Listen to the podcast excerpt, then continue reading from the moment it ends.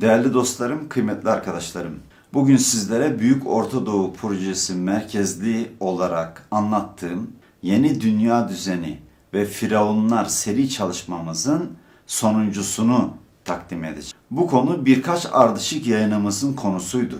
Bugün kısaca bunları bu yayınımızla toparlayıp sona erdirmiş olacağım. Binlerce yıldır çatışmaların ana merkezinde olan bölge Orta Doğu bölgesidir. Üç semavi dinin ve daha birçok farklı inançların çıkış bölgesidir. Birçok medeniyetin beşiği olduğu gibi birçok projenin de öznesi olmuş. Bugün bu çerçevede günümüzün en çok konuşulan projesi ise Büyük Orta Doğu Projesi'dir. Biz buna kısaca BOP diyoruz.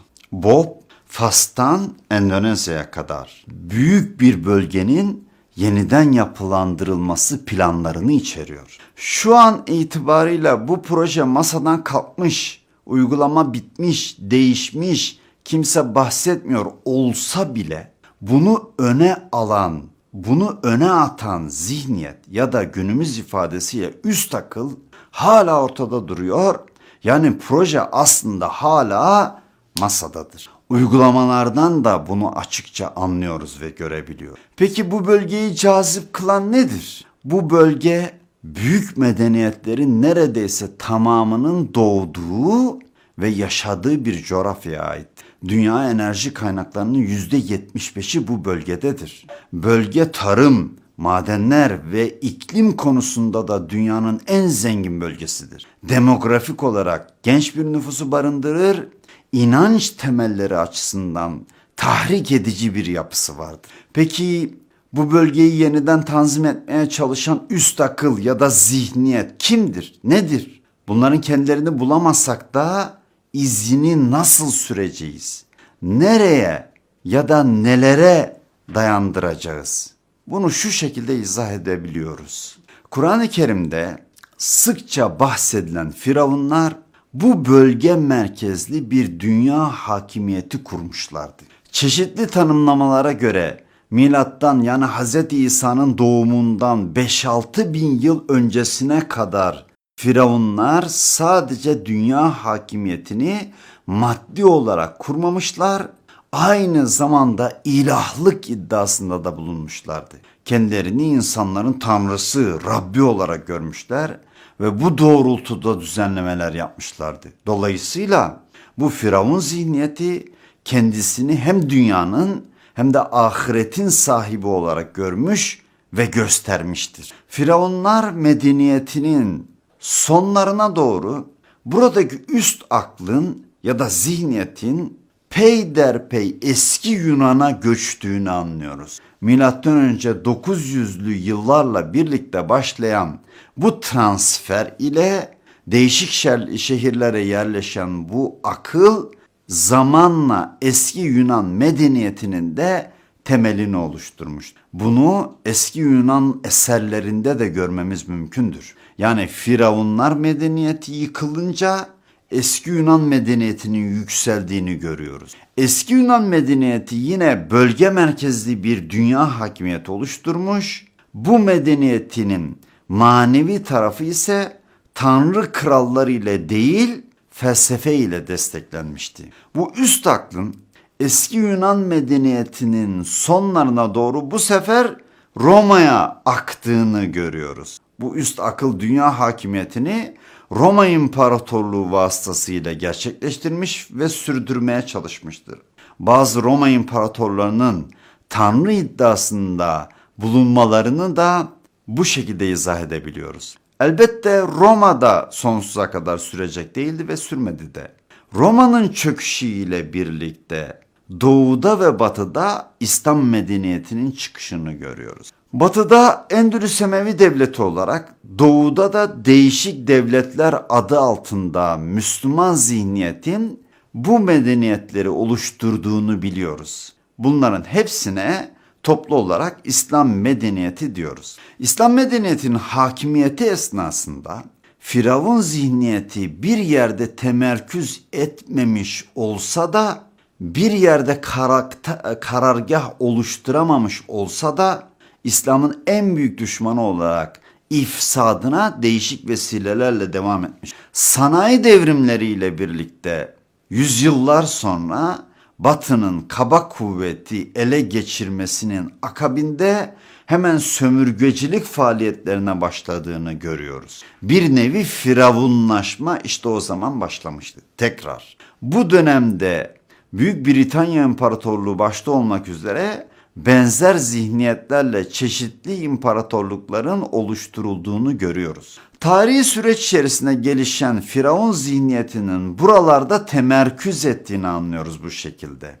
Bütün dünyaya sahiplenmek ve insanların hem dünyasını hem de ahiretini tanzim etmeye çalışmak bu zihniyetin en önemli göstergeleridir. Biz bu Firavun zihniyetini işte bu tür izleklerden tanıyor. Değerli dostlarım, kıymetli arkadaşlarım, sanayi devriminin hemen akabinde 2. Dünya Savaşı'ndan sonra bu zihniyetin önemli bir kısmının ABD'ye intikal ettiğini anlıyoruz.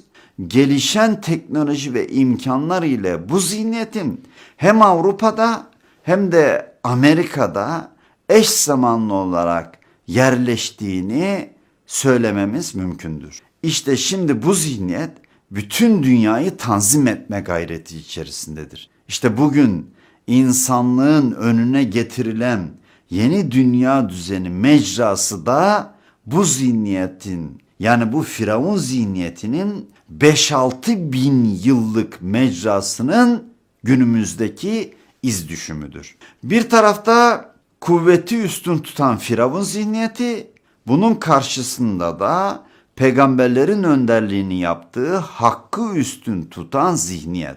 İşte mücadele bu iki eksenin günümüzdeki iz düşümünün mücadelesidir. Bunun için atacakları adımın jenerik adı Büyük Orta Doğu Projesi olarak adlandırabiliyoruz. Asıl milletimizin bu hamleyi çok iyi görüp yakından takip etmesi, kendi bekası, ülkemizin kendi bakası için gereklidir.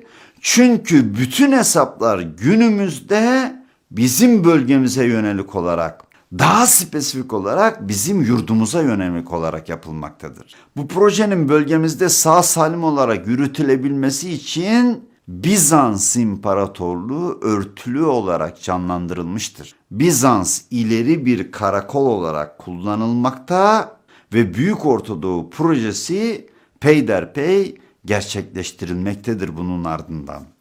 Ne isteniyor bunlar tarafından?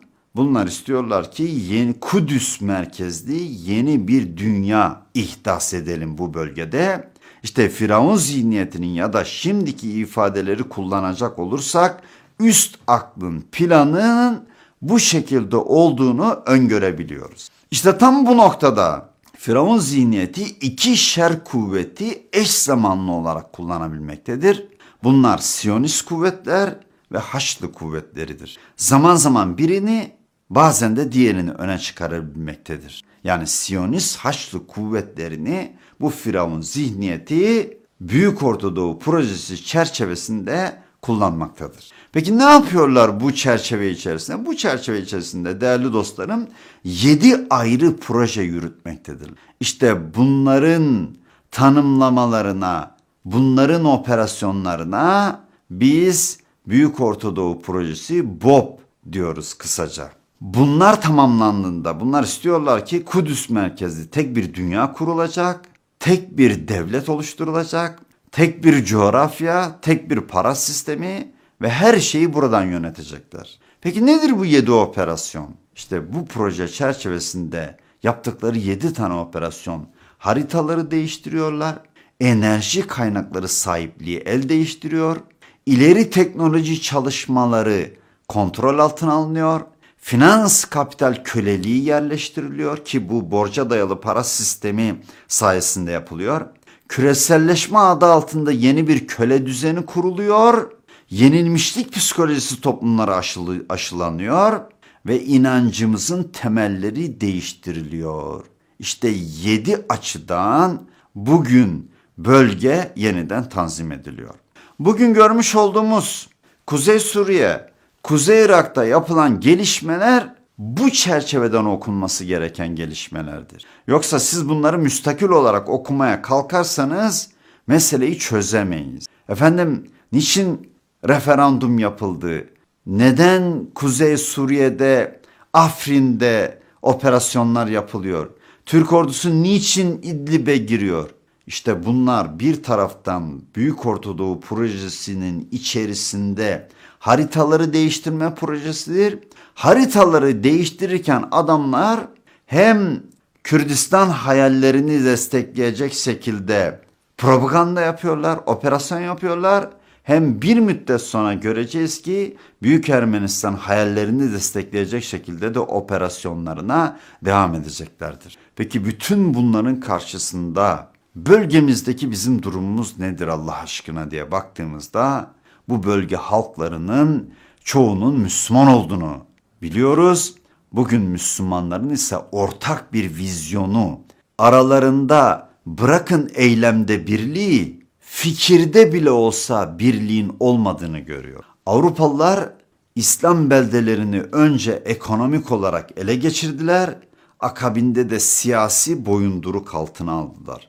Bu siyasi hakimiyetten sonra da Batı'nın menfaatleri bölgedeki ilkel şartlarda bulunan sanayiyi çökertti. Ham madde üreten ve ilkel tarım üzerine kurulan iktisadi hayatlar bundan sonra hayalcilik üzerine devam etti bu bölgede.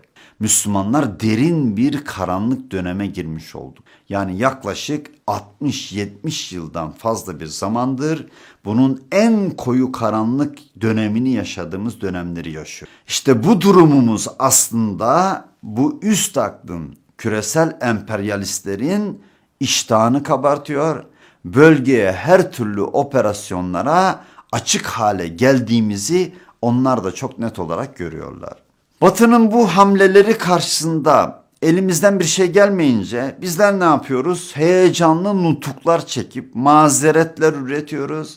Kendimizi psikolojik olarak tatmin etmeye çalışıyoruz. Hiç başımıza gelenlerin kendi ellerimizle işlediğimiz kusurlar yüzünden, eksiklikler yüzünden olabileceğini düşünmüyoruz. Yabancılar da bunları gördüğü için, bu emperyalistler gördüğü için Müslümanların bu bölgedeki ayrım noktalarını körükleyecek şekilde hareket ediyorlar.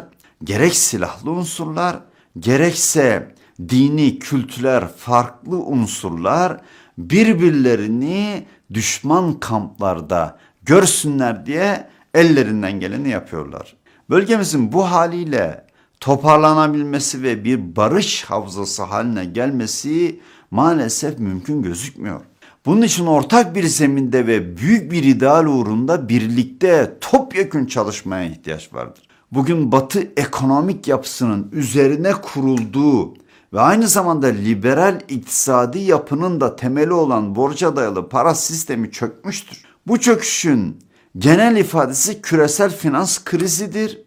Batı değer sayımının küresel finans krizine karşı bir çözümü de yoktur. Batıda kurulan çok büyük ölçüde bütün kuruluşlar bundan etkilenmiştir. Çünkü çöken şey aslında onların paradigmasıdır. Üzerine yükseldikleri platformdur. Kısa zamanda buna çözüm üretmeleri de mümkün gözükmemektedir. Peki değerli dostlarım, kıymetli arkadaşlarım, bu krize karşı bizim yapmamız gereken nedir biliyor musunuz? En önemli şey kendi paradigmamız yani kendi değer sayımımız, kendi ilke ve müktesebatımız ile bakarak olaylara birçok fırsatı değerlendirip çözüme ulaştırmaktır. İşte bizim yapmamız gereken en önemli şey özümüze dönerek bu önümüze çıkan fırsatı kendi değer sayımımız ile yeniden değerlendirip bir yol haritası çıkarmamız gerekiyor. Birlik ve beraberliğimizi oluşturabileceği. Değerli dostlarım, kıymetli arkadaşlarım, bu tür fırsatlar bir toplumun, bir idarenin eline her zaman gelmez. Bizim gibi ülkelerin önüne ise yüzlerce yılda bir gelen fırsatlardır bunlar. Türkiye'nin bütün bunları yapabilmesi için kendi milli manevi değerlerine sahip çıkması, kendi müktesebatına uygun hareket etmesi, kısaca kendi özüne dönmesi, kendi değer sayımına göre düşünmesi gerekmektedir. Bunun temel şartı da ayrılıkları ve düşmanlıkları terk edip birlik ve beraberlik içerisinde hareket ederek adaleti yeniden tesis etmektir. Peki nereden başlayacağız? Diyebilirsin ki hocam ya ne yapacağız? İşte en önemli soru da budur. Nereden başlayacağız? Aslında cevabı da gayet basittir. Nedir biliyor musunuz? Kendimizden başlayacağız. Kendimizden. Öncelikle okumalıyız arkadaşlar. Oku. Cenab-ı Allah'ın bu insanoğluna göndermiş olduğu son kitap Kur'an-ı Kerim'in ilk emridir. Oku. Okumuyoruz maalesef. Okumalıyız ve anlatılanları bu çerçevede, bu kanava içerisinde yerleştirebilmek için ince ayar bağlantıları keşfetmeliyiz. Bildiğimiz her şeyi yeniden düşünmeliyiz. Sorgulamalıyız. Adeta bir iman tazelemeliyiz. Çünkü Allah'tan başka korkulacak hiçbir şey yoktur. Ama bizler Allah'tan başka her şeyden korkar hale gelmişiz. Sahip olduklarımızı kaybetmekten korkuyoruz. Halbuki Firavun zihniyeti de bu korkularımız üzerinden bizi yönetiyor. Bu korkularımız üzerinden bizi vuruyor. Bizim inancımıza göre Allah'tan başka korkulmaya layık hiçbir şey yoktur. Bundan sonra ne yapacağız? Önce okuyacağız. Bağlantıları keşfedeceğiz. Sonra en yakınımızdan başlayarak bütün bu bildiklerimizi anlatacağız. Sakın efendim filanca biliyor, o zaten anlıyor, meseleleri kavruyor gibi düşünmeyelim. Bilen zaten tekrar etmiş olur, bilmeyen de öğrenmiş olur. Gördüğümüz ters işleri de düzeltmek için müdahil olmalıyız. Doğrusunu söylemeyiz. Ne derler tırnak içerisinde ifade ediyorum ne derler diye zihnimizde kendi kendimize bir terbiye kırbacı oluşturmuş. Sürekli kendimize vurup duruyoruz. Günümüz şartlarında bunları yapabilmek için sahip olduğumuz imkanlar çok. Örneğin bu yapmış olduğumuz videoları, bu çalışmaları yayabilirsiniz. Bu videolardan bir klip yapabilirsiniz. Yarım dakikalık, bir dakikalık. Kendiniz çekim yapabilirsiniz. Sosyal medyada bu fikirlerin yayılmasına destek olabilirsiniz. Bugün bu devirde bunları yapmayacaksınız da bugün bu devirde sosyal medyada olmayacaksınız da ne zaman olacaksınız Allah aşkına? Şu sosyal medyadaki yaptığınız izlediğiniz YouTube'lara bakın, videolara bakın, yaptığınız işlere bakın. Komediden tutun da ibret alıcı da almayıcı, insanlarla alay edici ya da onlara ibret verici birçok şey üretebiliyorsunuz. Ama birlik ve beraberlik içerisinde şu topraklarda bu Firavun zihniyetini yapmış olduğu operasyona karşı direnecek çalışmaları üretemiyorsunuz, yaymıyorsunuz. Bunlardan klipler oluşturmuyorsun. Ya hiç değilse bu çalışmayı yaymaya başlayarak buna başlayabiliriz. Kendiniz benzerlerini yapın. Bu sadece benim görevim değil ki. Hepimizin ortak işi. Hepimizin ortak çalışmasıyla gerçekleştirmemiz gereken bir çalışmalar demetidir bu. Değerli dostlarım, kıymetli arkadaşlarım, gün bugündür. Hadi oturmayın. En azından hiç değilse bu çalışmayı yaymaya başlayın. Kendiniz de benzerlerini yapın. Bu sadece benim görevim değil. Hepimizin ortak sorumluluğudur. Bakın Peygamber aleyhissalatü vesselam Efendimiz cihadın tanımına ek olarak bir şey daha söylüyor. Bir şey hatırlatıyor bize. Neyi hatırlatıyor? En büyük cihat zalim sultana karşı ayağa kalkıp hakkı söylemektir diyor. E bugün bütün dünyadaki zalimlere karşı, bu Firavun zihniyetine karşı, bu Firavun zihniyetine ortak olan, eklemlenen, onun ardıl projelerini, öncül projelerini yapmaya çalışanlara karşı hakkı haykırmak en büyük cihattır. İşte onu yapacak olanlar da sizlersiniz. Hep beraberiz. Bunlar hepimizin sorumluluğudur. Buradan başlayarak çalışmalarımızı yaymaya başlayalım. Fikirler, sözleri, sözler, eylemleri vücuda getirir. Eğer bir fikir olmadan, bu fikirle desteklenmiş sözler olmadan eylem yapmaya kalkarsak başkalarının operasyonel kabiliyetinin başkalarının operasyonlarının aleti haline geliriz. Kullanılırız ama sağlam fikirlerle, güzel anlatımlarla eylemlere geçersek o zaman hakikaten karşımıza gelen bu firavun zihniyetinin projesini açık etmiş oluruz.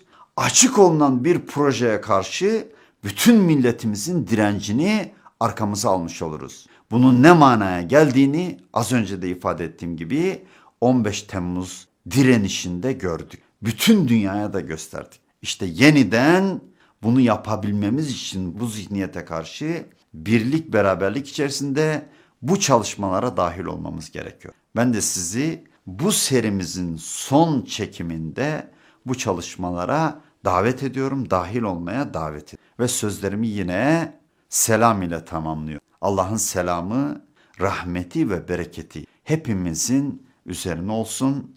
Allah'a emanet olun efendim.